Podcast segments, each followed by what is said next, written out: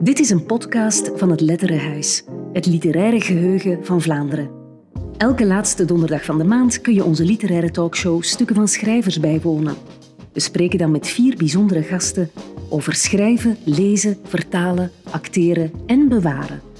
Je kunt de talkshows hier opnieuw beluisteren. Heel veel plezier.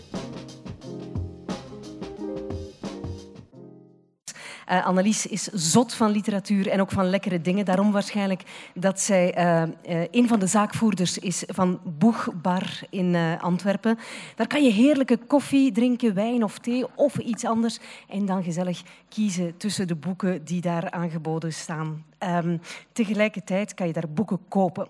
Uit Nederland hebben wij ook bezoek. Jet Steins. Jet is auteur, schrijft ook voor de Volkskrant, maar heeft een bijzondere interesse voor brieven. Een uitstervend literair genre misschien wel. We hebben ook acteur Jurgen Delnaat. Hij raakte gefascineerd door een Antwerpse auteur, Jean-Marie Berkmans. Een heel bijzonder man, wel die Berkmans. Een beetje een poëet modi, waarover hier in het archief wel uh, een en ander is terug te vinden. We hebben ook bezoek van Karin Lampes. Karin is de weduwe van auteur en kunstenaar Marcel van Malen. En hij leeft voort in het werk van jonge, getalenteerde kunstenaars en auteurs. Maar we beginnen graag met Annelies Mons en Jet Steins. Welkom.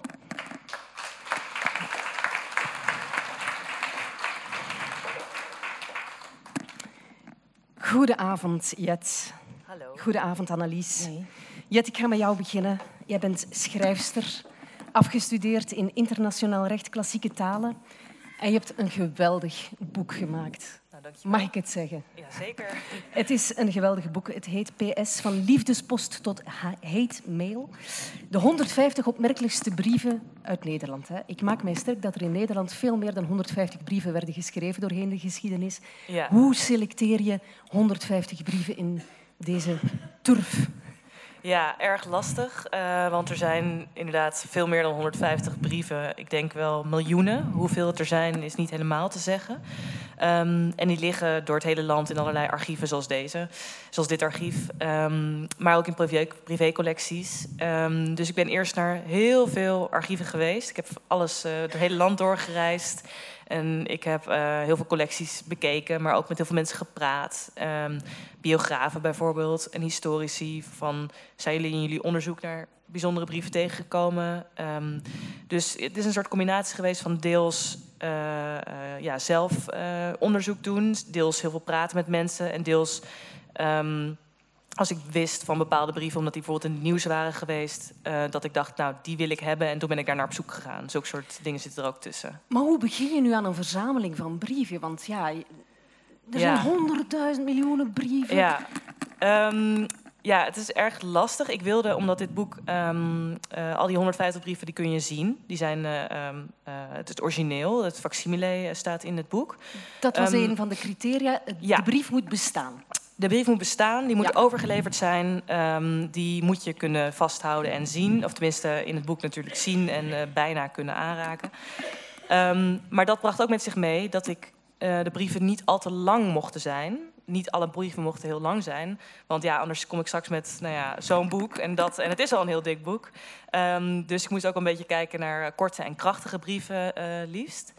Um, ja, en, en dan ben ik gewoon gaan kijken naar welke brieven mij heel erg aanspraken. Dus ik ging heel vaak door een collectie en dan zag ik, ja, dan dacht ik, ja, deze brief, deze is gewoon zo grappig of, of zo ontroerend. Of, of uh, dit is gewoon zo'n bijzonder bewijsstuk van die periode uit de geschiedenis. Uh, dus het was meer vaak een gevoel um, van, ja, dit is echt iets heel bijzonders. En dat is dan, ik geef het toe, dat is een heel persoonlijk gevoel. Ik zeg ook niet dat ik dat dit, weet je, iemand anders zou een andere selectie hebben gemaakt. Um, maar voor mij waren het dan wel ja, bijzondere uh, documenten. En dan kan het bijvoorbeeld zijn een, uh, een brief van Aletta Jacobs. Dat is onze bekendste feministe eigenlijk, de eerste feministe. Die dan een brief schrijft aan Thorbecke, minister Thorbecke, met om toestemming vraagt of zij mag studeren. Want dat mochten meisjes in uh, 1870 nog niet. Ja, en dan vind ik dat een heel bijzondere brief in dit geval, omdat het gewoon zoveel zegt over die tijd, maar ook over haar uh, persoonlijkheid, dat zij gewoon de minister-president een brief schrijft. Ja. En het is dan ook nog een, nou ja, een net brief. Um, dus, dus ja, zo zijn er uh, verschillende redenen waarvoor ik uiteindelijk heb gekozen. Nou, die wil ik en die wil ik uh, vanwege dit. Ja, maar je hebt die niet lukraak zomaar in een boek Nee. eh, verzameld. Je hebt die onderverdeeld in categorieën. Ja, Ik wist niet dat er zoveel categorieën brieven bestonden. ja, ja, ik denk dat je inderdaad eerst denk je vooral aan liefdesbrieven of ja, sollicitatiebrieven, Precies, ja. ja.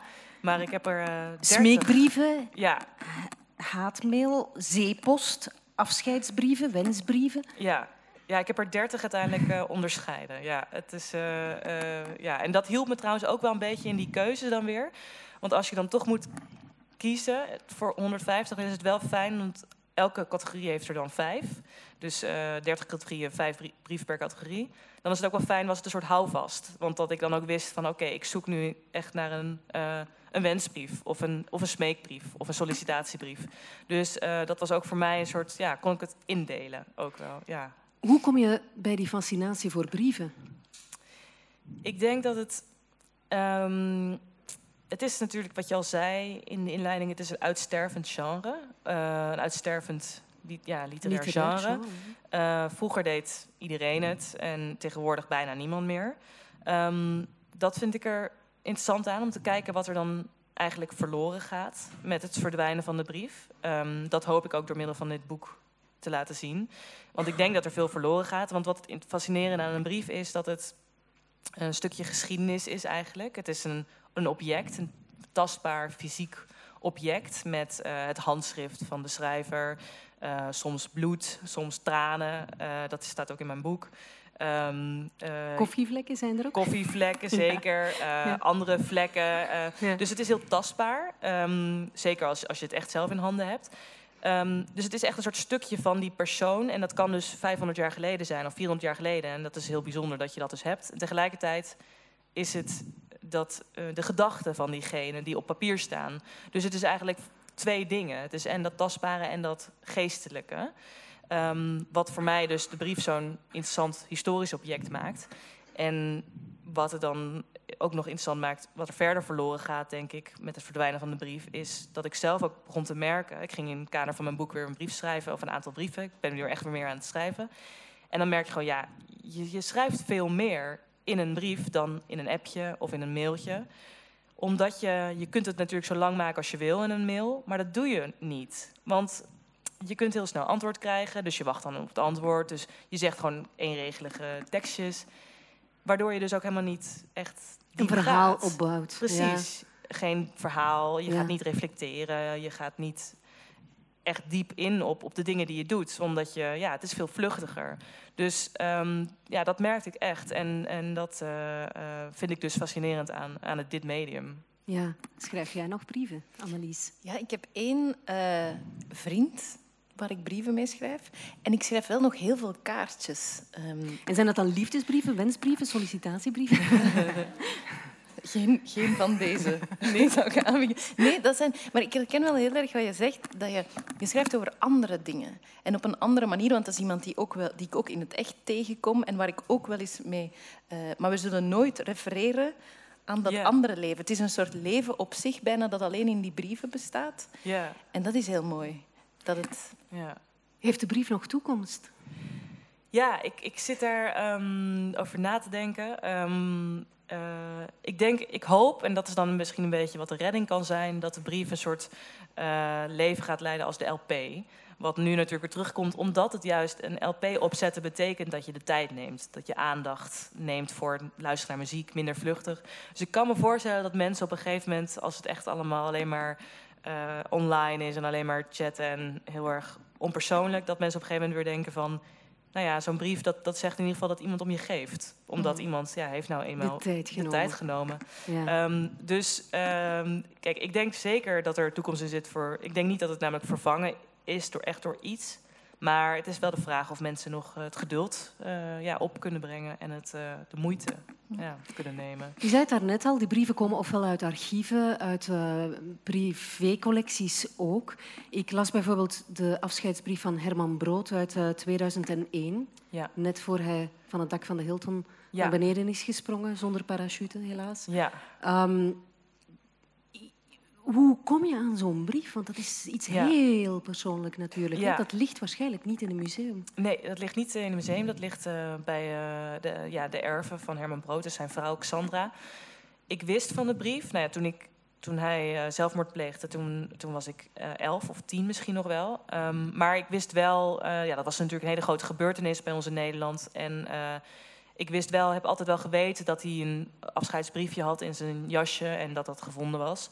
Maar in dus dat was zo'n brief waarvan ik dan dacht, oké, die wil ik graag hebben. Maar toen ging ik er naar op zoek en toen bleek hij inderdaad dus daar te liggen. En eh, nou, dat, dat heeft wel, eh, aanvankelijk zei ik ze ook nee.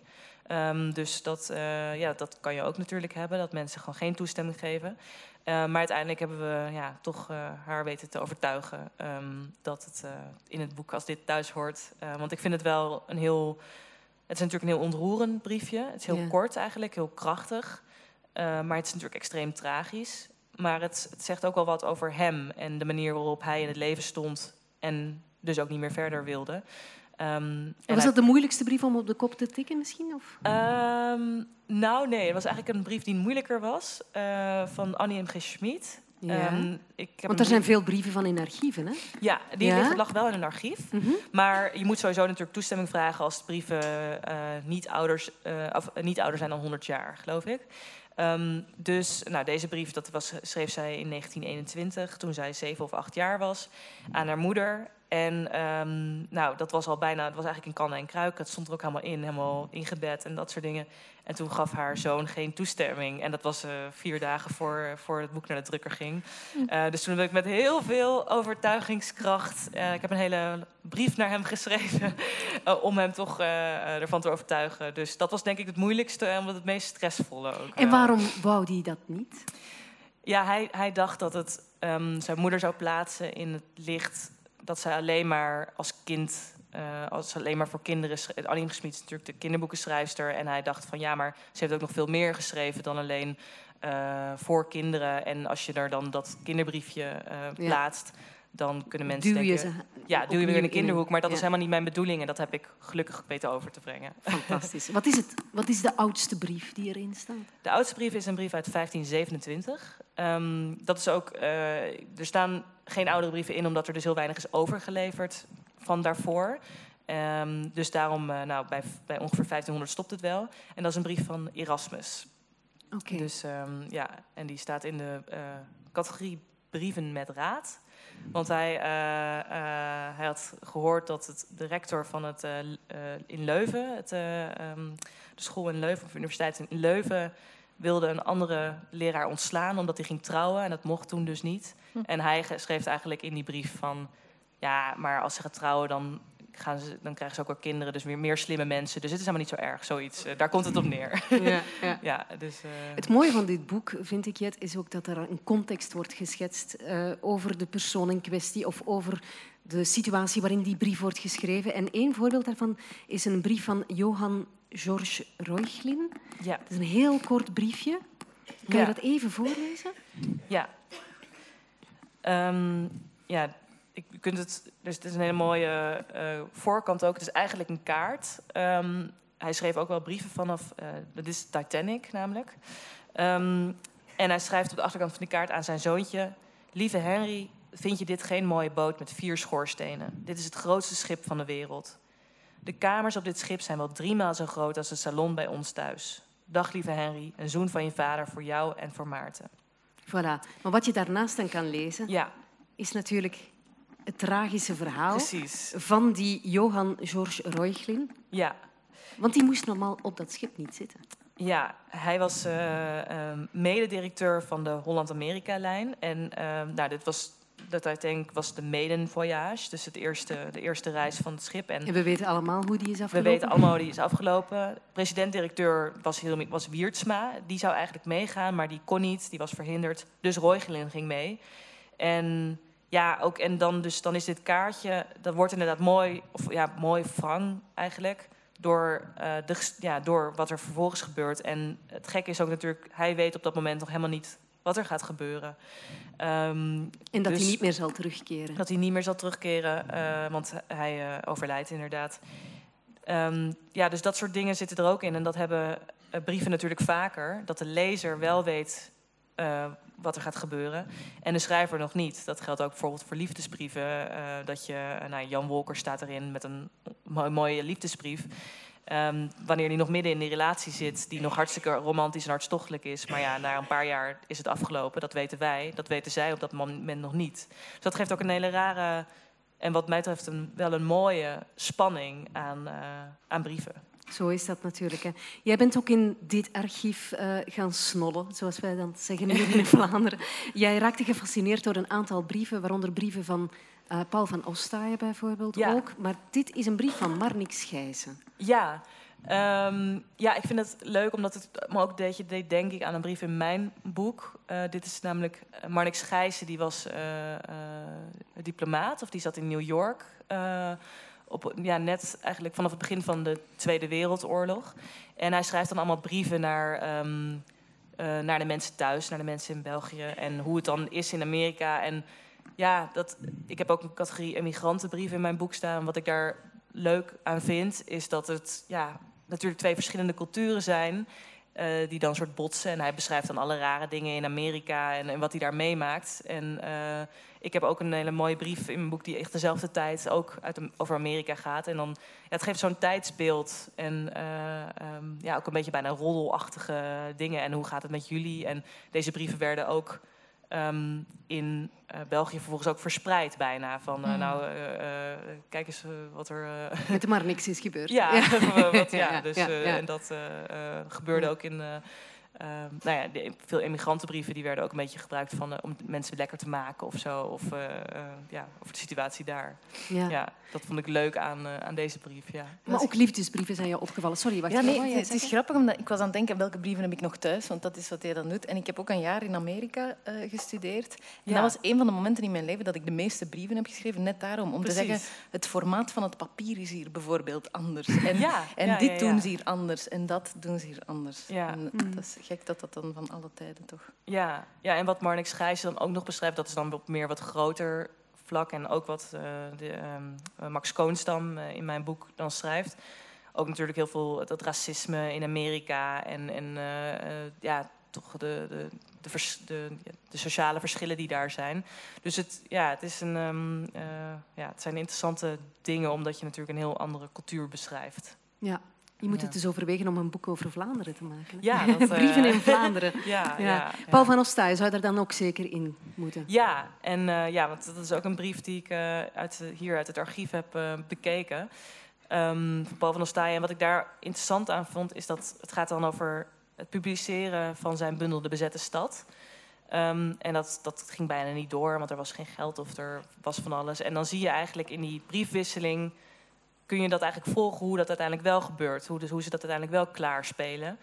Ehm, dus het is, brieven zijn natuurlijk ook een enorm belangrijke bron voor biografen of voor historici. Want aan de hand daarvan kun je dus zien, ja, wat, wat voor keuzes werden er eigenlijk gemaakt. En, en eh, hoe, eh, eh, nou, hoe is dit toch zo tot stand gekomen? En, en dat was er bijna niet geweest. Dat zie je dan ook bijvoorbeeld. Of het was in ieder geval niet op dat moment uitgebracht. Ja, en het grappige is, hij schrijft het aan een, aan een geliefde eigenlijk. Hè? Nou, die brieven die ik heb gezien, die waren aan anderen. Die waren aan zijn Oké. broer. En, eh, Ah, nee, nee, sorry, ik Ja. heb de andere bekeken. Oké, nee. ja. Maar goed, Annelies, jij bent ook in het archief gedoken. En Ja. eh, voor jou was de zoektocht eh, doorheen het archief echt een opdracht. Hè? Ja, het was een, een opdracht. We zullen- ook een groot archief. We zullen verklaren waarom. Het is niet dat jij niet geïnteresseerd bent in literatuur. Jij leest ontzettend veel, maar jij leest vooral recent werk. Ja. En wat is nu eigen aan het archief? Dat het over het verleden gaat. Ja. En dat er heel weinig van, van mensen die nog leven... eh, Zo is dat Is- ook. En jij was ook eh, geïnteresseerd in het werk van een vrouw. ja, Je bent uiteindelijk op iemand terechtgekomen. Ja, ik, kreeg dan, ik was dan een hele lijst van de vrouwen waar, waar archief van, van aanwezig was. En dan ben ik puur op gevoel eh, beginnen googlen. En dan eh, kwam ik om twee redenen bij iemand uit. Enerzijds eh, omdat ze heeft geschreven over, over Congo. En over mensen van hier die in Congo zaten. En mijn grootmoeder heeft ook in Congo gewoond. Wat een reden was al voor mij om te doen. En toen zag ik ook dat ze als achternaam bij haar trouw uh, de naam Colombie kreeg. Ja, dat is een heel bijzondere naam in Vlaanderen. Hè? En dan dacht ik, Max Colombie, dat is die van Oscar and the Wolf. En ja. dat blijkt uh, de grootmoeder te zijn, die wij dan beter kennen onder... Of die ik niet kende, maar nu wel onder... Uh, dat is ook nieuw voor mij. Ja, en onder de naam Mireille Cottenier. Dat is de, de auteur die je naar boven hebt gehaald. Wie was Mireille Cottenier? zij was feministe Um, een beetje enfant terrible, zou ik denk ik durven, zeggen. Ik heb een heleboel artikels van toen gelezen. Wordt er toch uh, op verschillende manieren naar haar gekeken. Um, ze was verpleegster eigenlijk um, en geschreven, heel veel dagboeken uh, gepubliceerd. Sommige mensen kennen haar ook. Ze heeft ook een boek geschreven over haar uh, reis dat, dat ze met chef Gerards heeft gemaakt. daarvan kennen mensen haar dan. Die zouden een tijdje ja, uh, iets, iets heel leuks hebben, hebben gehad samen. Ja, ja. Plezierig, ja. ja ik, dat, dat heb ik van horen zeggen. Ja, ik ook. ik was er niet bij. Ja, ja, ja, ja. Nu, ze was een beetje een enfant terrible, zeg je. Ze, ze was, uh, ze schreef over taboe-onderwerpen ook. Mm -hmm.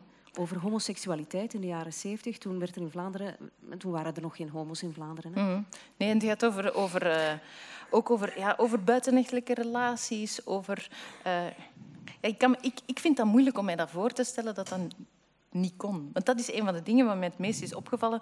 Hoe lang 50 jaar, of hoeveel er verandert in die 50 jaar. En hoe, um, ja, hoe ik nu heel veel dingen vanzelfsprekend vind dat er over geschreven wordt, maar dat dat toen dan allemaal blijkbaar voor het eerst gebeurde. Ja, één ding daarvan is natuurlijk ook de positie van de vrouw. Mm -hmm. um, zij werd ook als vrouwelijke auteur niet au serieus genomen, hè, aanvankelijk. Nee. nee, want dat heb ik dan ook gezien hier in het archief. Uh, de eerste, ze heeft heel erg uh, lang en veel geprobeerd om haar, uh, haar, eerste manuscript, dat ook verschillende titels krijgt, um, gepubliceerd te krijgen. En dat was het ehm, dagboek van Carla ja, uiteindelijk. Hè? Uiteindelijk is dat dagboek van Carla. Eerst heet dat dan uh, Carla uh, gewoon. En dan, ja, ik denk dat het van 64 was. En dan uiteindelijk is het pas in 68 dan toch gepubliceerd. En ja, ik denk dat er, er zaten gewoon een heleboel afwijsbrieven in, in het archief hier. Ja, één daarvan van uh, ja, een pittige dame, Angèle Manteau. Mm -hmm. um, jij hebt de brief bij je. Ja. Zal ik? Ja, graag. 19 mei 1964. Geachte mejuffrouw Cottenier, in antwoord op uw brief van 16 mei jongstleden moeten wij u helaas mededelen dat wij ook na nader inzien een uitgave van uw roman Carla niet kunnen overwegen. Na herlezing is onze mening nog steeds dat het werk niet over de nodige rijpheid beschikt die een uitgave ervan kan rechtvaardigen. En dan vind ik komt het beste. Te meer daar u met het boek Carla uw literaire debuut beoogde te maken, is de overweging van belang dat een opkomende schrijfster zich een dergelijk debuut beter kan besparen. Aangezien het manuscript van Carla zich nog steeds bij uh, onze lectoren in Nederland bevindt, zijn wij u vooralsnog niet in staat het te retourneren. We zullen trachten u het ten spoedigste te doen toekomen. Ja, dat is slikken, denk ik, als je zoiets in de brievenbus krijgt. Ja. Ja. Ja, het is zo, om, omdat we heel veel, ja, dat vind ik dan heel veel moeilijke oude woorden gebruiken, lijkt het zo wat te verzachten. Maar eigenlijk zeggen ze. Ja, ja. ja, ik heb ook nog brieven. Uh, ze heeft nog andere afwijzingsbrieven gekregen. Mm. Het is ook niet onaardig dat een vrouw eens schrijft over de Congo-kwestie. Wordt daar mm -hmm. heel denigrerend in gezegd. Vlamingen kunnen aardig vertellen, maar Nederlands leren ze nooit. Mm -hmm. Dat wordt daar ook in gezegd. De, de nodige rijpheid ontbreekt.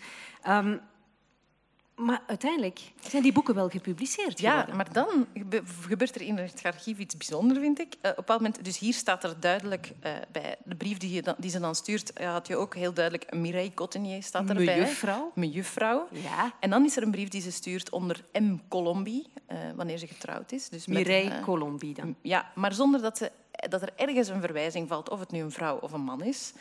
En dan wordt er toch een beetje anders gereageerd plots. Ja. Denk ik dan. Want natuurlijk, je kent maar een deel van het verhaal, je ziet alleen wat er daar ligt.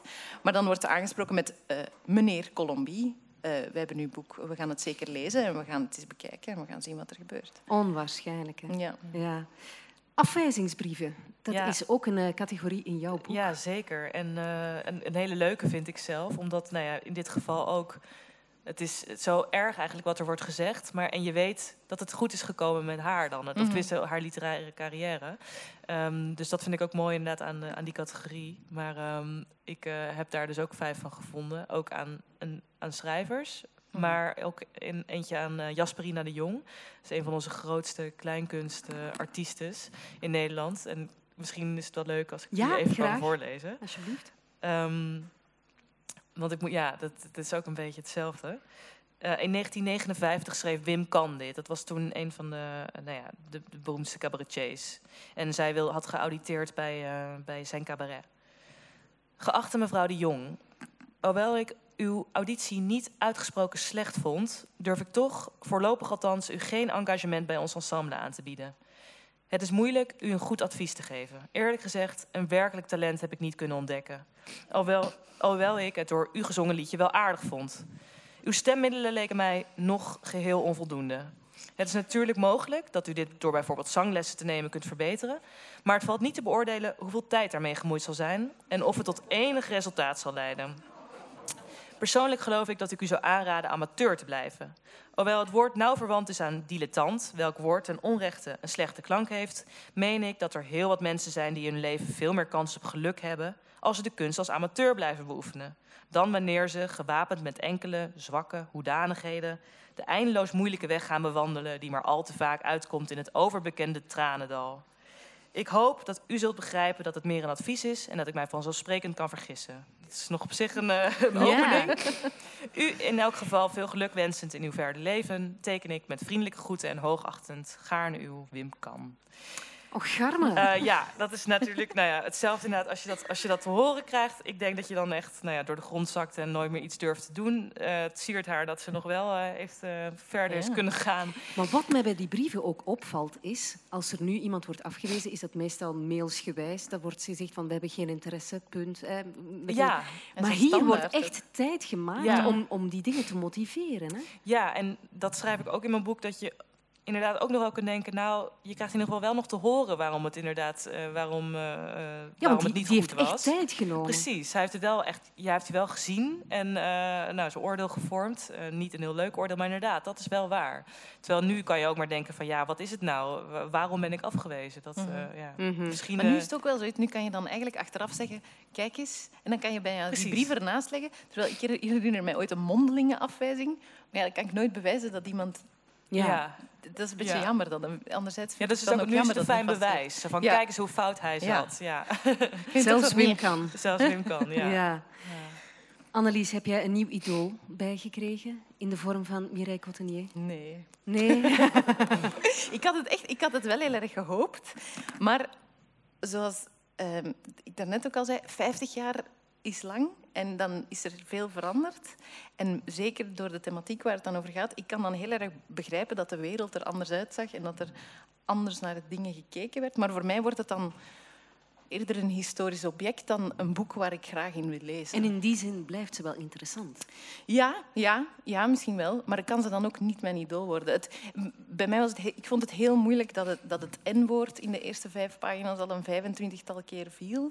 Wat ik nu wat we niet meer gebruiken, wat, waar ik een soort consensus Je hebt het over neuken. Ja, nee, ja. nee, nee, een ander woord.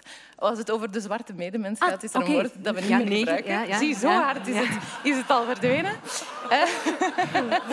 neuken zeg ik met plezier. Ik heb, hoor, ik, heb, ik heb ook een boek gelezen van Mireille Cottenier en daar staat dat wel in. dat, dat, dat is een woord dat ik met veel plezier nog, uh, nog wil okay. Daar kunnen we het nog wel eens een uur over hebben. Um, wow. nee. Maar er wordt een ander programma, een laatavondversie van Ja, stukken van schrijvers. Dat is ja. voor straks als er nog iets gedronken Ja. wordt. Ehm, nee, en, nee, maar daarom, net, dat is een woord dat ik zo ehm, niet meer wil gebruiken en niet meer wil horen, dat het, ehm, dat het voor mij helemaal in de weg staat van... En ik snap dat er toen op een bepaalde manier naar het land en naar de mensen werd Ja. gekeken. Maar ik vind... Ja, het doet, ja, het doet mij zo huiveren dat ik dan niet meer kan kijken naar is het een goed verhaal en is het goed geschreven en ben ik mee. Want ik ben niet meer mee. Mhm. Ik was ook niet mee. dus- Ja. Goed, dan toch maar recentere romans voor jou, Annelies. Kan je iets aanbevelen? Want je zit natuurlijk echt, je, ja, je, je, je ademt de boeken. Hè? Ehm, ja, uh, moet het een roman zijn? Of mag ik gewoon het laatste hele goed? Ik heb net um, Notes to Self, of uh, dingen die ik niet kan zeggen, denk ik dat het vertaald is, van Emily Pine uh, gelezen. Dat is een, een Ierse schrijfster. Die, het is eigenlijk haar eerste boek voor groot publiek, zal ik noemen. Het is eigenlijk prof en ze, doet, ze schrijft eigenlijk weer eerder wetenschappelijke boeken. En ze heeft nu een, een, soort autobiografische essays, zijn het. En het is van een... Um, ja, het is heel lang geleden dat een boek mij nog zo geraakt heeft. Het gaat over... Ik vind het altijd moeilijk om dan te zeggen waar het over gaat, omdat het dan alleen maar dat lijkt te zijn. Maar het gaat over vrouw zijn.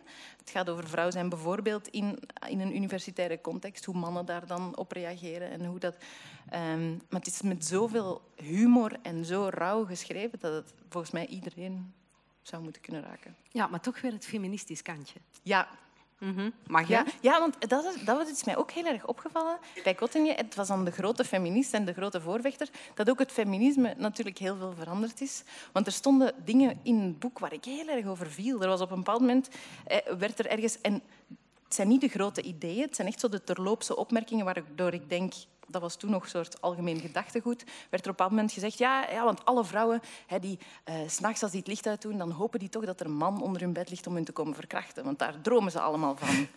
Waarop ik... ja, of ze zegt ergens van, ja, het is, een, het is een vrouw en ze is succesvol. Nee, uh, het is een vrouw en ze, ze, is dik, maar ze is wel succesvol. Oké. Dus er waren een aantal dingen waar ik ja. moeilijk... Dus mm -hmm. Emily Pine is... Uh, een beter feminist. Een, beter... een feministe van nu, zal ik zeggen. Een hedendaagse ja, feministe, zo is dat. Jet, ben jij ondertussen al bezig met een nieuw project? Um, nog niet bezig. Ik ben nog een beetje aan het afkicken van... Jouw baby is toch maar een maand ja, oud, hè? Ja. ik wil hem niet loslaten. Maar ik ben wel over nadenken. Over, uh, uh, maar ik ga niet uh, voorlopig geen... niet de 300 uh, opmerkelijkste Nederlandse brieven maken. Dat uh, laat ik nog even. Maar heb je geen zin gekregen om nog meer brieven te lezen? Of heb je zoiets van brieven, het hoeft niet meer? Nee, dat wel hoor. Ik ben wel, ja. uh, ik ben wel helemaal wel gepakt door, door brieven. En sowieso zelf dus brieven lezen, maar ook brieven schrijven. Dus, dus dat ben ik echt wel vaker aan het doen. Oké, okay, ja. nou, ik wil zeggen dat het fantastische boek PS nou, van liefdespost tot hate mail, de 150 opmerkelijkste Nederlandse brieven, een geweldig boek is. Het is uitgegeven bij Podium. Dankjewel, Jet Steins. Dankjewel, Annelies Moons. Dankjewel. En dan nu een ode aan uh, twee zeer bijzondere mensen die er niet meer zijn. Wij krijgen tekst en uitleg van Karin Lampens en Jurgen Delnaat.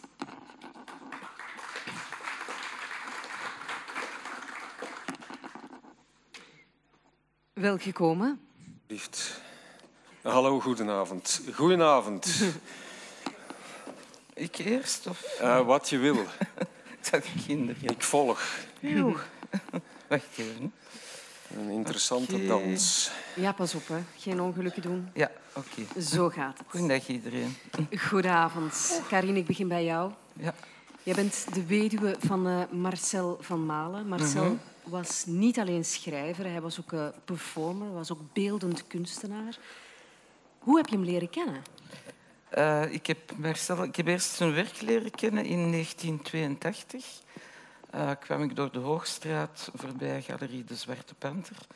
En toen, bij alle tentoonstellingen, werden nog affiches gemaakt.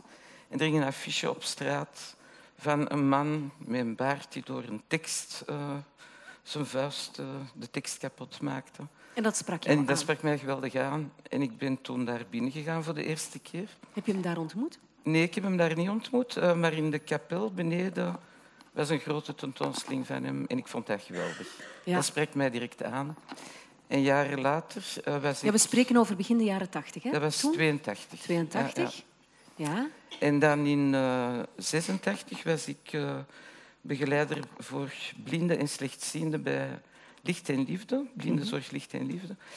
En uh, ik ben dan bij hem uh, thuisgekomen in de Cuperusstraat. En wist je dat hij dat was? Uh, of was hij gewoon een, een, een, ja, iemand waar je moest... Ze had mij gezegd, het is een schrijver, maar dan die naam herinnerde ik, ik mij nog wel. En ik dacht dat ik hem kende van ziens, maar dat bleek dan toch niet te zijn. Ja? Dus ik heb hem dan ontmoet uh, in zijn keuken in de Cuperusstraat. En uh, dat, enfin, dan direct een tasje koffie, hij was heel gastvrij.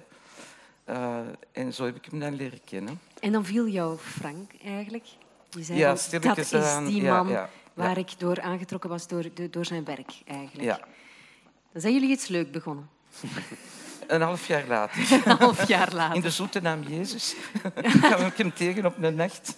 Ja. En we zijn samen buiten gegaan en we hebben nog... En van We zijn dan met een witte taxi naar huis gegaan en dat was eh, het begin van iets heel moois. Maar het klikte wel direct met Marcel. Allee, Ja. van in het begin zo. Wat voor een Dat man wel. was Marcel? Eh, ja, iemand met heel veel energie. eh, heel gedreven door de kunst, door eh, het woord. Heel erg eh, ehm, heel actief. eh, een levensgenieter. Iemand die ook eh, tegen heilige huisjes eh stootte. En dus, allee, was geen hele brave man, maar dat spreekt mij in het begin heel erg aan. Ja, Ook heel veel humor. ja, De ja. eerste jaren hebben we ontzettend veel gelachen. ja. Hoewel dat hij toen heel slechtziend was en blind aan het worden was. ja. Ja. Nu, in het letterenhuis hier ehm, hebben wij een biografie gevonden van Marcel van Malen, vermoedelijk van zijn hand. Mhm. Daarin staat, want het is in de derde persoon geschreven, dus wij vermoeden over hemzelf. Ik werd behandeld door priest, of hij werd behandeld door priesters, paters, psychiaters en katholieke ouders. Ja. Het is een, eh, een, een stevige combinatie. Mhm. Ehm, wa- was hij daardoor getormenteerd? Was hij daar... Ehm, hij is er wel van gaan vluchten. Zo. Hij is ge- geboren in Brugge. Ja? En dat was toen heel katholiek en overwegend cons- conservatief, denk ik. hè. Mhm. Ah ja, die foto. Ja, mooi toch? In de Ja. keuken. Ja, ja. En ehm, ja, getormenteerd weet ik niet goed, maar zo wel er heel erg tegen. Zo. Maar Allee, het lijkt wel dat hij ooit ook is gaan vluchten. Hè? Want hij heeft zijn legerdienst Ja. gedaan in Korea, hè? vrijwillig, bij het Belgisch elitekorps. Hij spreekt over Lapland. Hij spreekt over het feit dat hij gedoold heeft doorheen Europa, Afrika, Azië en Oceanië. En uiteindelijk weer in België heeft hij in 21 dorpen en steden gewoond. mhm. Echt standvastig kan je dat niet noemen. Het is Ja. iemand die toch wel moet zoekende zijn, denk ik dan. Ja, ja, een soort onrust, een soort zin voor avontuur ook. Ehm, ja, eh, en dan uiteindelijk is hij blind geworden en dan hij huurde ook altijd eh, huizen of woningen. En dan heeft hij, zijn moeder is gestorven en direct heeft hem gezegd van, eh, ik ga iets kopen. Omdat hij nog een beetje zag, dan hebben we samen een huis gekocht in eh, Deurne, waar ik nog altijd woon. En hij, hij heeft dat nog een stuk kunnen zien. En hij had ook schrik van, als ik ergens huur, dan ga ik... het kan het zijn dat ik daar weg moet. Hè. Dus, eh, Ja, dus hij, hij En was... vanaf toen is hem heel standvastig geworden op het gebied van zijn woonst. Ja. Allee, voor de rest... eh, Maar wat een leven, wat een curriculum vitae. Ook behoorlijk polyvalent, want ik las dat hij nachtwaker is geweest, houthakker, schrijnwerker, koewachter in Zwitserland, druivenplukker in Frankrijk, dokwerker in Hamburg, asfaltlegger in Trondheim in Noordwegen. In België was hij barman, agent van de zeevaartpolitie, stoker, bediende, gids, handelsreiziger, pisteur, herbergier, pistoolschilder, nachtarbeider, gevelschilder, bouwarbeider, corrector, fabrieksarbeider en kartonbewerker. Het zou kunnen dat ik er een paar heb Ja, hij, is ook nog, hij heeft ook in een asiel gewerkt. Eh, in Brugge, maar er is hem eh, op, allee, min of meer ontslagen toen. Maar wan- waar is die auteur dan? Ik, ik denk dat hij al heel jong is beginnen schrijven. en dan zijn debuut was in 56 met Sutja. Dat, ging ook, dat heeft hij ook een stuk in Korea geschreven. Maar hij heeft, wel, ja, hij heeft dan al die klussen gedaan. Soms vond hij dat misschien leuk, maar hij wou toch een leven, alleen leven van de kunst. Hoewel dat hij heel lang vrij arm geweest is. Ik denk dat dat zo tot rond zijn 30 jaar geweest is. En dan is hij, is hij alleen maar schrijven, beeldende kunst, Ja. theater, eh, al die dingen. Hè. Maar die onrust dat moet zich ook in zijn werk hebben vertaald. Want zijn werk wordt door critici ook omschreven soms als heel eh, hermetisch. Mhm. En wat doet iemand dan als Marcel van Malen? Als hij, dan zegt hij, ah, jullie vinden mijn werk hermetisch. Ik zal mijn werk eens hermetisch maken. Wat doet hij dan? Het in eh, flessen stoppen, gebottelde gedichten. eh, Bijvoorbeeld. achter tralies. eh, Of in polyester gieten, Ja, zodat ja. je er niet meer aan kan. Hermetischer kan bijna niet. Ja. Hè? Ja, het was ook een, een, ook een feit dat poëzie dan heel weinig werd gelezen. En Marcel Brood, daar zat dat ook een stuk. Hè. Allee, Die, was- hebben die waren elkaar- bevriend, hè? Die hebben elkaar Ja. heel goed gekend Ja. in Brussel. En dat was ook een reactie daarop. Van, eh, en dan, als je het niet kunt lezen, dan waren mensen ineens heel geïnteresseerd. Van, eh, Ja, wat zit daarin in wat die zit fles? daarin? En dan zei Marcel, ja, dan moeten twee flessen kopen. Eentje om te houden en eentje Hij was ook om te lezen. Hij wa- was ook een stuk eh, om te overleven. Hij heeft Natuurlijk. ook multiples beginnen maken. Vanuit iets van iedereen moet kunst kunnen aanschaffen, maar ook een stuk voor zichzelf. Ook om, dat verkocht ook makkelijker. Hè? Ja, ja, ja. Ja. Nu, hier in het Letterhuis is wel wat terug te vinden van Marcel van Malen. Daar staan trouwens in het kastje eh, gebottelde gedichten, Mhm. eh, maar ook handschriften. Eh, ook een wit geschilderd boekobject is terug te Een vinden. hobbelpaardje. Met Een hobbelpaardje, ja. Mooi. Maar er is nog Ja. heel veel werk bij jou thuis. Hè? Mhm.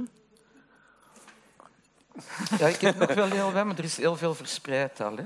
Ja. Maar ik heb inderdaad nog... ja, er zijn ook nog regelmatig tentoonstellingen terug. Ja. Dit jaar waren er heel veel projecten. eh, onlangs in de bibliotheek van Harelbeke. Een grote tentoonstelling bij Jan Biep, Jan van Erwegen. ja.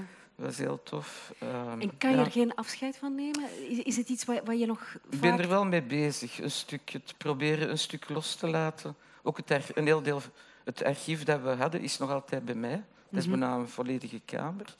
Dus eh, de bedoeling is eigenlijk al, toen dat Marcel nog leefde, was er ook al sprake van een deel naar hier te, over te brengen. Maar dat is nog altijd niet gebeurd. maar dat Ooit, komt in ieder geval. Ooit, voilà. Dat ja. is zeker. Nu, zijn gezondheid leed ook onder die levenswandel. Je zei het daarnet al, hè. Hij, werd stilaan echt eh, ja, van slechtziend echt heel eh, ja, blind. Ehm, voor een beeldend kunstenaar kan ik mij inbeelden dat dit het ergste moet zijn wat je kan meemaken. Is zijn werk daaronder veranderd of is hij daar zelf door veranderd? Cynischer geworden? Ja, hij is niet echt cynisch geworden, eh, maar hij heeft wel enkele jaren, een viertal jaar, heel weinig gedaan op, gebied, op artistiek gebied. Eh, dus dat was in het begin dat ik hem kende. En dan zo stilaan, na enkele jaren, is hij... Hij heeft zich ook heel erg vastgehouden nog aan dat zicht. Dus dan met, heel, met een bril, met eh, vergrootglas. Eh, hij is hij nog blijven schrijven met heel dikke stiften. Maar dan vanaf dat... Hij is dan ook een tijd depressief geweest. eh, in 89, denk ik. Hij kon er niet over spreken. Hij, hij viel heel, heel veel in slaap. En pas twee jaar nadien kon hem zeggen dat hij kwam door dat blind zijn. Maar op dat moment zelf... Allee, ik, ik wou erover praten, maar dat, dat lukte niet. Ehm, maar hij droomde ook heel veel nog dat hij zag. Hè? Zo op die manier. Hij ging er op ogenschijnlijk heel goed mee om. Hij maakte er grapjes over. Met de mensen zag, zag je amper dat hij blind was. Maar dan, als hij echt volledig blind was, heeft hij een omschakeling gemaakt van eh, allee, gedichten inspreken, woorden inspreken op cassette. En dan moest jij... Ik schreef dat dan uit. Nadien eh, schreef ik dat op fiches en dan zo werden er gedichten gemaakt. Ja, hij heeft ook nog beeldende kunst gemaakt. Ook, Ook als, heel hij, veel nog. als ja. hij blind was. Hè. Dus hij Ja, was eigenlijk een, een ideeënkunstenaar. Dan andere mensen moesten het uitvoeren. Ja, vroeger, als hij nog zei, heeft hij zelf veel gedaan. Ook wel hulp gehad voor zeefdrukken te maken Mhm, of zo. Maar eh, nadien eh, was het meestal... Ik ken nog anderen. Hè. Allee, mensen, veel assistenten die eh, Ja, ja. hielpen om het uit te voeren. En gelukkig dat hij zo'n soort werk maakte al. Dat hij dat eens kunnen verder... Allee, terug opnieuw heeft kunnen opnemen. Hè. ja. Ja. Wat vind je het mooie aan zijn persoon? Eh, zijn, ja, toch zijn oprechtheid, zijn moed om... eh, allee, hij is helemaal niet diplomatisch, wat dat, hem soms wel in, in de problemen heeft, en zeker als hij ouder werd nog. Maar, waardoor, maar eh, die echte oprechtheid... ehm, ook dat, hij was ook echt gedreven door de kunst. Zo. En ook dat hij andere, als hij bij andere mensen talenten zag, dan, allee, dan werd hij bijna kwaad als die daar niks mee deden.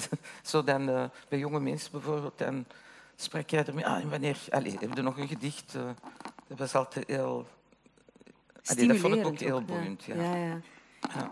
Ken jij Marcel van Malen, Jurgen? Ehm, De naam uh, deed een belletje rinkelen. Uh, meer ook niet, waarvoor mijn oprechte excuses. Mm -hmm. Ja, maar we zijn vertrokken. Ik heb vanavond veel bijgeleerd. Ja. -huh. Ja. ja. Je hebt het over een... Uh, ja, even ben ik de enige? Nee. Oké. Okay. Groepsgevoel. Ja, vertel. ja. Maar je, je hebt het uh, over een even intrigerend uh, mens eigenlijk, Ja. hè, uh, Jurgen. Je, Ja. hebt, je hebt het vanavond over Jean-Marie Berkmans. Ook wel eens de Vlaamse Bukowski genoemd. Ja. Jij maakte twee jaar na zijn dood een, een theatervoorstelling rond Berkmans met theatergezelschap De Tijd. Maar daarvoor was jij al gefascineerd door zijn figuren. Eh, ik heb hem... Ik heb hem eh, ehm, hij is in mijn blikveld gekomen toen ik in, in Antwerpen, hier dus in deze stad, eh, aan de theaterschool zat. En ehm, ik heb ontdekt dat, dat ik in dezelfde buurt op kot zat als waar hij woonde.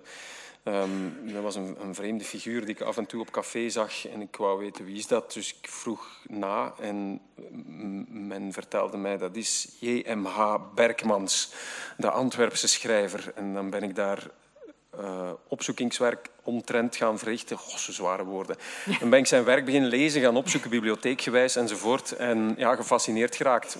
Um, Waardoor en, dan? en dat zijn dan dingen die blijven sluimeren en tot op, op het moment dat, je daar een voorstelling, dat ik daar een voorstelling over maak. Waardoor gefascineerd? Door, ja, er was eerst die figuur natuurlijk, maar dat is het probleem. Dat is het probleem. Er zijn heel veel mensen die die figuur kennen en het gaat in interviews en nabeschouwingen en bio's en foto en andere documentaires over en zo dat, dat oerbeeld van die kunstenaar en de man die zichzelf kapot maakt om voor zijn kunst eh, eh, te leven. En, en, maar het is toch dat werk of zo. En dat heb ik toch ook in die voorstelling proberen, ehm, proberen te, te... Ja, wat is het woord? Te belichten, ja. Te bewerkstelligen.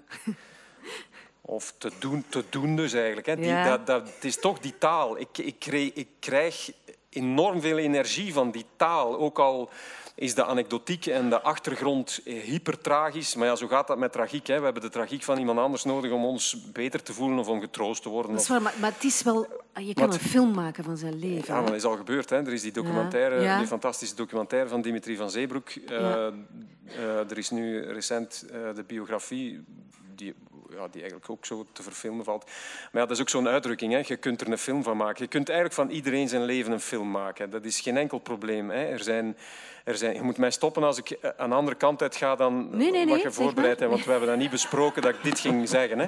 Maar, dat is, maar dus dat is waar. Natuurlijk is het waar wat je zegt, maar je kunt van iedereen, hè, eh, als we nog tijd hebben, eh, geef mij drie elementen uit uw leven en we kunnen daar een film van maken.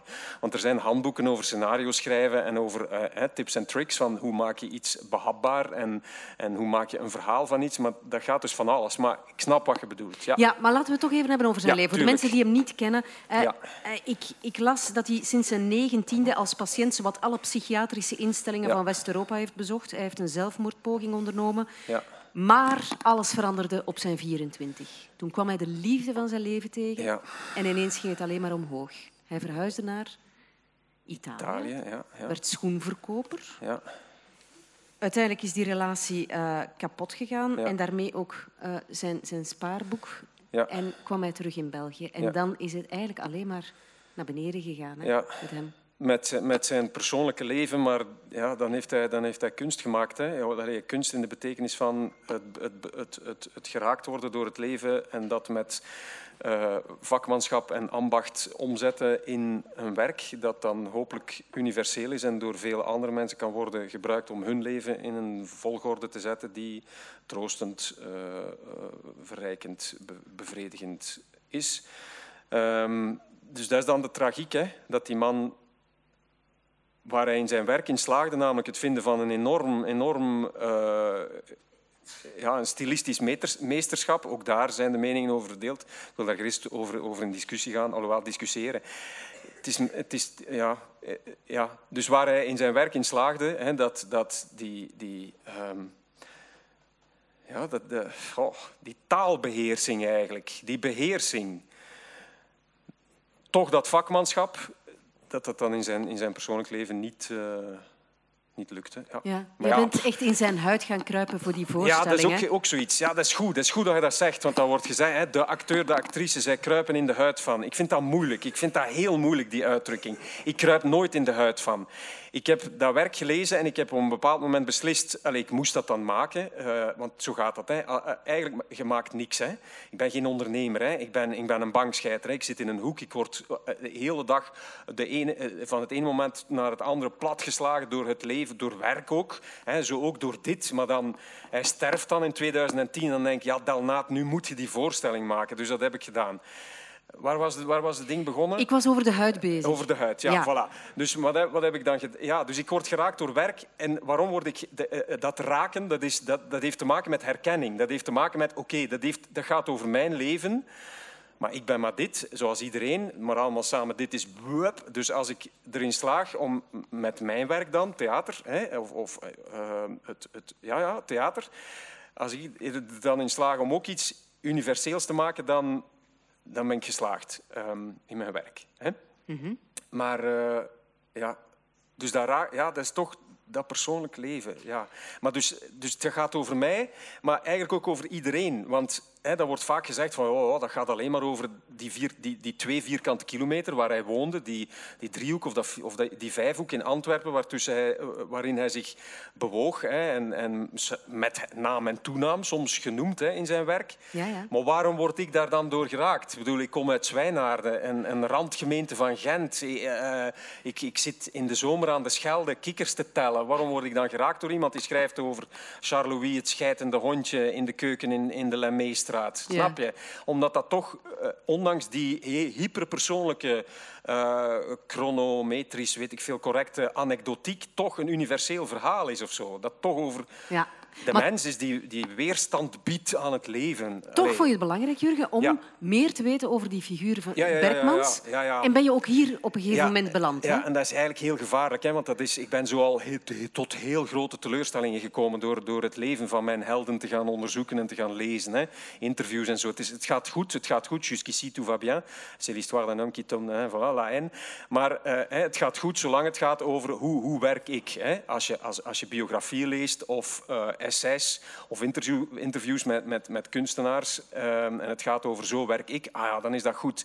Maar je kunt ook te veel weten over een kunstenaar en dan, dan, ja, dan komt de teleurstelling. Ben je te ehm, veel te weten gekomen over Bergmans? Nee, want ik ga je vertellen, want daar willen we toe komen. Hè. Dus ik ben hier gekomen. Hè. Ja? Um, ja, maar het gekke is dus dat ik pas hier terecht ben gekomen nadat die, voorstel, nadat die voorstelling eigenlijk gemaakt was, nadat ik, nadat ik ze al een aantal keer begin te, snel te praten, nadat ik ze, dat is omdat ik moe ben, nadat ik ze, ze, al een aantal keer gespeeld had, ben ik pas hier terecht gekomen naar aanleiding van een voorstel, een vraag van zullen we eens een overzichtsartikel schrijven in een aantal afleveringen. En ik kom hier, ik weet dat dan, dat, dat het archief zich hier bevindt. Ik bedoel, een aantal van zijn, van zijn dingen van vroeger en ik zit daar en ik krijg dat aangereikt en ik zit aan die tafel en ik zie, ik zie dat handschrift en ik zie knipsels en ik zie ja, van, een, van, een, van een meticuleusheid die buitenaards is, een meticuleusheid in het bijhouden van hitlijsten uit de humo van de jaren 70. Van ja, die week staat die groep op die nummer. Ah, mogen wij opmerken dat de groep deze week... Dus dat staat dan al in de humo, maar hij schrijft het er dan ook nog eens bij. Dus dat soort, dat inventariseren. Dus, en dan, wat doe ik dan? Dus ik, krijg, ik zit daar dan een uur, maak echt maar een uur. Ja, en dat is van een emotie, dus ik moet dan stoppen. Dus ik heb dan niet niet van naaldje tot draadje kunnen uh, doornemen. Ik wist ook al genoeg. Hè. De voorstelling was gemaakt, was voor mij was geëindigd. Dat is ook zoiets. Hè. Heb ik geleerd van, ah, van de oudere collega van een schilder, waar te stoppen. Hè. Oh, je kunt bezig zijn waar te stoppen. Dat is zoiets van kunsten. Hè. Waar stop je? Hè. Je schrijft een nummer en waar stopt je? En ja, toch nog dat woorden, toch nog een komma, maar je moet stoppen op een bepaald moment. Het is genoeg. Dat, dat werk zegt, het is genoeg. Hè. Het is genoeg. En zoals ja, ik moet rust. Mijn vrouw zegt dat ik stil moet zijn, dat ik rustiger moet zijn. Maar dat is goed. Maar dus eigenlijk om te zeggen, dus ik ben hier pas terechtgekomen na de voorbereiding. Ja. om gelijk te krijgen eigenlijk. Snap je? Dat het, ja, gelijk te krijgen van het gaat over iedereen. Het gaat over iedereen. Ik zag in dat werk, in die notities, in die kind, jeugddagboeken, zag ik ja, een kleine bange mens die de wereld probeert te begrijpen, te vatten, te inventariseren. Wat hij eigenlijk uh, zeer, zeer getrouw heeft gedaan of zo. Hij heeft zijn leven geïnventariseerd. Hè. Wil je eens iets voorlezen van hem? Ja. Um, dat is mijn doos, dat is mijn werkdoos van, uh, van het project van vroeger. Dus, en dat, is de, dat is een jeugddoos. Dus eerst stond daar het etiket op knipsels en scheursels. Dus dat deed ik ook al toen ik klein was. Dingen uitknippen en daarin stoppen. Om daar dan nooit meer naar te kijken. Dus om dat te bezweren of zoiets. Van ja, dat zit dan alvast daar. Stond ook boven op mijn kast, waar ik er niet makkelijk bij kon. En nu is dat de Berkmansdoos geworden. Um, dus dat is, het, dat, is het, dat is de tekst, dat is de brochure die ik op, toch altijd in de coulissen had liggen om er ook niet naar te kijken, want natuurlijk ken ik mijn tekst. Uh, ik zal beginnen. Hè. Ik zal beginnen hoe het begon. Hallo. Dus het is, wat heb ik gedaan? Ik heb alles gelezen wat er gepubliceerd was. En, uh, gepubliceerd was in boekvorm, bundelvorm of in artikelvorm enzovoort. Daar heb ik vanuit het hart en vanuit de buik uit geselecteerd. Dat was een enorme, een enorme hoop papier. En gelezen, gelezen, herlezen, herlezen, herlezen, uitgezuiverd enzovoort. En dan ben ik tot een soort van partituur gekomen waarin dus...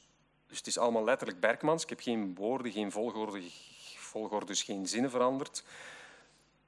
Maar het is wel mijn volgorde, het is mijn keuze of zo. Ga je gaan. Ja. Hallo, zijn jullie nog daar? Het is ook vreemd, want er zat heel veel muziek in die voorstelling. Dus het is, het is ook heel belangrijk, maar dat doet er niet toe. Ik ga, de tekst, ik ga alleen de tekst doen. Maar het begon met, het begon met uh, Jimi Hendrix. Jimi Hendrix, Jimi Hendrix. Ja? ja de, zwa de, zwarte gitarist. Uh, zeer, veel te jong gestorven. Ja, hè, van de club van van de 27. 27. Ja. Voilà. Maar het begon met Sunshine of Your Love, een, versie, een nummer van Cream. Um, maar hij, zo'n heel heftige versie. Ik vond dat wel goed. Een cover ook. Bergmans heeft ook heel veel kinderrijmpjes, heel veel dingen gecoverd eigenlijk. Letterlijk gecoverd, maar ook dingen overgenomen. Dus op, op, op volgorde gezet. Dus dan vond ik die, die, ja, die Hendrix impact wel goed. Hallo, zijn jullie nog daar? Ik ben namelijk weer hier. Verder maakt het me ook niet meer uit waar hier is en wanneer nu. Lang geleden dat de negers in Angola nog zo zwart zagen en in Biotoop Zero iedereen zo lijk, zo lijk, zo lijkbleek, van armoe, van droefnis. Ik verkeer vandaag in een erg zenuwachtige en buitenmatig verwarde toestand. Er spoken allerlei dingen door mijn hoofd waar ik liever niet over begin te denken. Ik heb ook weer niet veel geslapen vannacht. De stemmen en het rumoer en het gepieker en gepeiger en gegons in mijn schedelpan hebben mij wakker gehouden. In de duistere vroegte, oog om oog, kaak om kaak, kak om kak. Ik stel mij nooit vragen van morele aard. Ik doe maar, ik moet ook maar doen. De omstandigheden stompen mij tot actie. Het zal dus wel zijn nut hebben, al brengt het enorme communicatiestoornissen met zich mee. Vrouwen kussen is er niet meer bij, laat staan vrouwen. In de Verenigde Staten van Amerika hebben biogenetische forsers de ratmens ontwikkeld. Alleen de snuit dient nog op punt gesteld. Die is nog wat spits. Winnen of verliezen, daar gaat het om. Floppen of toppen. We zijn getopt, we zijn getopt, getopt. De meest moderne, bizarre man is vanzelfsprekend een uitzonderlijk bizarre, moderne man. Soms is hij 78 en soms is hij 25. Je weet het nooit. Ik zal hier stoppen. Dit is een goed punt om te stoppen. Oké. Willen jullie weten hoe het leven in elkaar zit? Ik zal jullie het verklappen omdat ik in een beste bui ben. De een wordt geboren met een alpino-petje op zijn kop en de ander met een hoed. Zo zit het leven in elkaar. Hun vaders en hun moeders waren met een alpino-petje of met een hoed geboren en hun ouders en grootouders voor hen. Een buitenbeentje van de familie slaagde erin om aan een hoed te komen en een ander buitenbeentje ruilde zijn hoed vrijwillig voor een alpino-petje. Gekke mensen vind je op alle plaatsen en in alle tijden, altijd en overal. The following interview was made by Quentin Tarantino with Pafke, de meest concrete Mafke. was een bijnaam die hij zichzelf had gegeven, een epiteet. Quentin Tarantino. What is the problem, Pafke? The problem is neuken in de keuken. Quentin Tarantino. What keeps you from neuken in de keuken?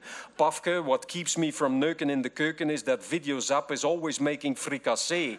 Quentin Tarantino. Uh, Peter Nel Snottebel. Fricassee? Hij zit godverdomme al drie dagen op de play. Als het aan Peter Nel Snottebel lag, fraten wij alle dagen een biefstuk met salaat. Als het aan Videozap lag, aten wij alle dagen brood met korsten en fricassee. Als het aan mij lag, aten wij alle dagen kornebuf met bokwurst. Als het aan het uitgemergelde witte hondje lag, frat hij alle dagen scampi's in curryroomsaus. Broccolisoep en pomme duchesse met asperges. Deze laatste gemarineerd in Châteauneuf-du-Pape en roomijs toe. Schop toch die hond, schop die hond toch onder zijn kont ons Pudding en gisteren waren onderweg van A naar B. Zij hadden de bedoeling door te stoten naar C. Onderweg logeerden zij in het miserabele hotel Excelsior dat niet over een scheidhuis beschikt. Gisteren moest kakken en ging uit het raam zitten plakken en scheet bovenop de kop van die goede, uitstekende, uitmuntende Swa. Swa riep naar boven, wat is hier aan de hand? Wie heeft hier gescheten? Pudding zei het was gisteren. Nee, zei Swa, het was vandaag. Gisteren zei het was pudding. Nee, zei Swa, het was godverdomme stront. Ja. Ja.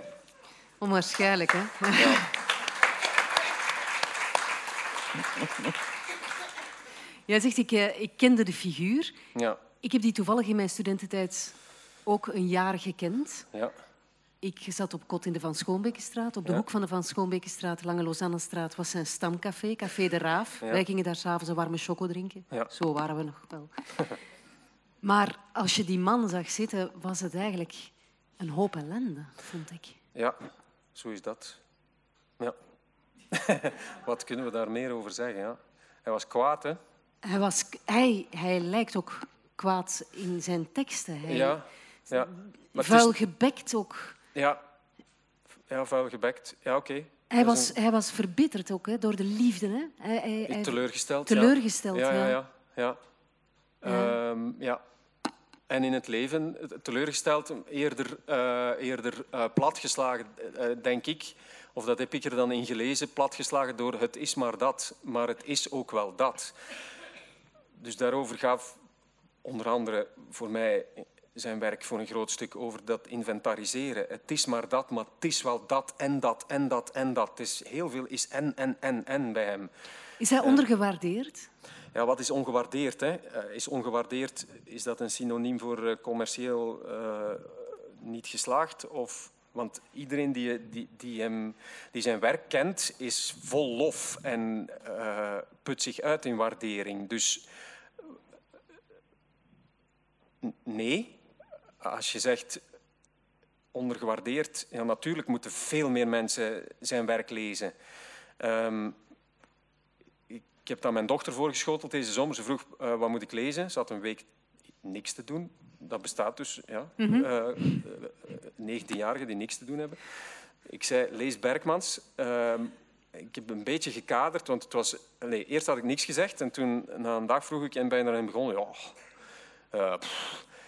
En toen heb ik het gekaderd en ah, ja, ja, toen is ze beginnen verder lezen. Dus sommige dingen hebben ook gewoon een kader nodig. Het is, het is ja, PNR heet dat dan, hè. Ja. Eh, Ik ben maar ook... hij, eh, hij deed er ook niet aan mee. Hij, wou er ook niet, had het daar heel moeilijk mee met heel, met heel de commerciële shit rond, rond, het, rond het literaire gebeuren. Hè. Dus, Aan de dat- andere kant deed hij wel mee met de moderne dingen die toen Ja, ja, ja. plaatsvonden, zoals bijvoorbeeld Circus Bulderdrang. Dat was een, een soort van performance act met muziek, met teksten die gedebiteerd werden. Ik ben daar ooit naar gaan kijken. Ik snap het nog altijd niet, na Nee, nee, 20, nee. 30 jaar. Hè. Maar het ging over energie. Ik heb, er ook, ik heb daar ook iets van gezien. Voor mij ging dat over, net wat ik hierin voel. Dat gaat over energie, dat gaat over, dat gaat over in het leven staan en iets voelen. En dat, moet, dat moeten doorvertellen en dat in die vorm doen of zo. Ja. Dat is, gelijk, dat is gelijk, gelijk naar, een, naar, een, naar een punkconcert gaan of naar zo... Naar, naar zo hey, af en toe, één keer per jaar, moet ik, moet, moet ik ook naar zo'n naar zo'n een, een onduidelijk donkere m- metalconcert gaan. Gewoon zo... Zoiets wat niemand, alleen wat nog geen 8 miljard eh, platenverkoop heeft, heeft gekend. Om, om gewoon, dat gaat gewoon over energieuitwisseling. Ja. Je moet niet altijd weten wat het is. Weet jij, wat le- weet jij nu al? Allee, wij zijn dezelfde generatie ongeveer, denk ik. Hè, Ja. schat ik? Of misschien ben ik ouder of zo. Ik weet, Nee, ik weet het niet. Hè? Ja. Ik weet het niet. Hè? En als je dat kunt overbrengen met een werk, dat is toch fantastisch? Gaan we het ooit je- weten? Gaan we het ooit weten, ja, dat nee, is natuurlijk je moet toch niet kunnen zeggen van ja, maar dat werk gaat daarover. Allee, dat, is niet, ja. dat is niet de taak van het... Je moet je toch niet als publiek... Confrontatie, kunstwerk en dan... Ah ja, maar dus het gaat daarover. Het is toch geen ondervraging of zo? Nee. Allee, Nee. ik, ik vertoef... da- daarom vind ik dit soort... In, ja, dat is een instelling. vind ik dit soort kamer, ge- gebouwen heel goed. Het is een plek... Ik, ik voel mij, als je mij zou vragen, hè, waar... Ja, in een museum of zo. Dat, dat is de plek waar ik mij heel, heel erg op mijn gemak voel. Omdat dat daar, daar is een confrontatie met, ja, met kun- ja, kunst, ja, met iets wat, wat een mens heeft voortgebracht Ja. en iemand anders heeft verzameld en in een volgorde heeft gezet.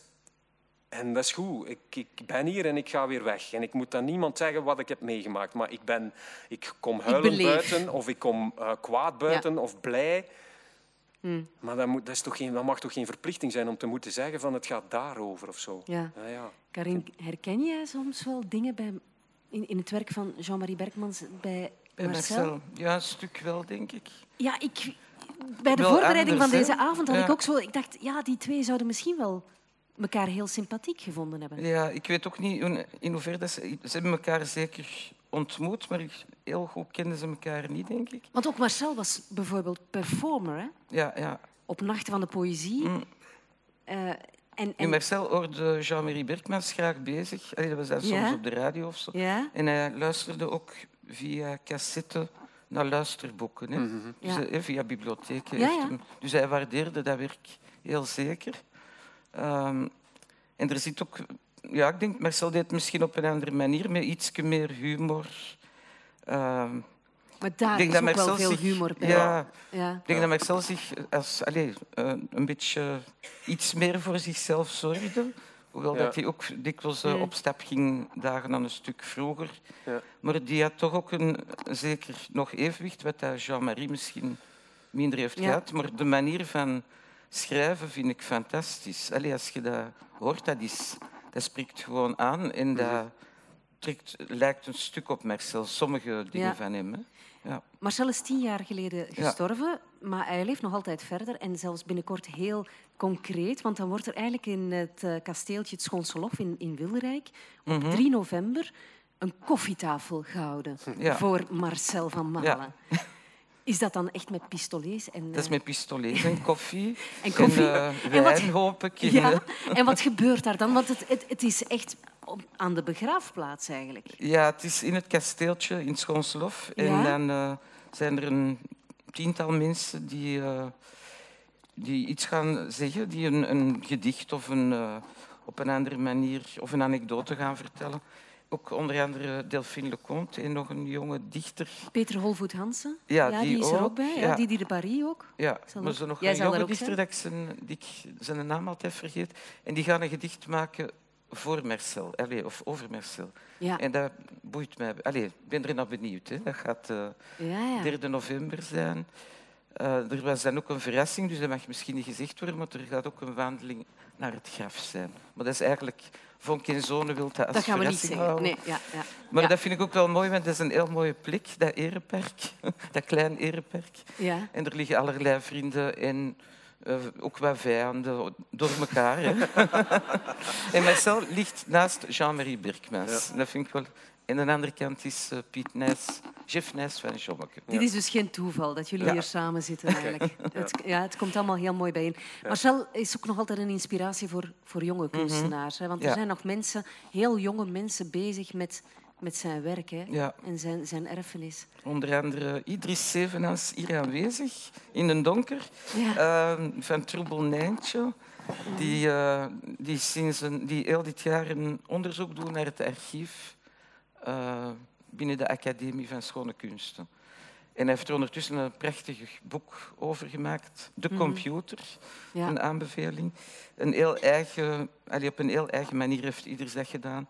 En via hem zijn er dan nog andere jonge kunstenaars Ja. die ook eh, zich aangesproken voelen of zich herkennen een stuk in Marcel zijn werk. ja, Ja, en dat vind ik Dus- heel fijn. Ja. dat, dat neem Dat, ik geeft, aan. dat is ook energie. Hè. Dat Zo is is ook, dat. eh, ja. Jurgen, waar ben jij nog mee bezig? Berkmans Eh, ligt al even achter je. Hè? Ja, en ook niet. Eh, ik ben recent verhuisd en, en, en de nieuwe boekenkast, eh, ja, het, stapeltje ligt er toch op, op, de, op de plek Op een waar- ereplek waar, zo? ik er niet naast kan kijken. Ja, Ja. Ja. Dus het is nooit weg. Het is nooit weg. Ik heb vorige zomer de biografie gelezen die, die gepubliceerd is. Mm. Ja, nee, nee, het is nooit weg. Waar ik mee bezig ben spelen, ik, speel, ik ben nog even op tournee met een voorstelling en overdag filmen voor de televisie. De televisie. Ja. En, en wanneer kunnen we dat, Dat eh, zal bekijken op de eh, televisie? volgens de laatste berichten voor het najaar twin- 2020 zijn. Een serie? Volgend jaar. Een, een fictieserie, jawel. Oké. Ja. Maar je bent karig met ja, ja. informatie. Eh, het valt op te zoeken. Het valt op te zoeken. Ja, het- Dat zullen we dan meteen ook doen. Ja. Goed, meer info over de koffietafel over en rond Marcel van Malen op 3 november vind je trouwens op vonkenzone.be. Mhm. Karin Lampens, Jurgen Welnaat, dank je wel. alsjeblieft. Graag gedaan. Dank u wel.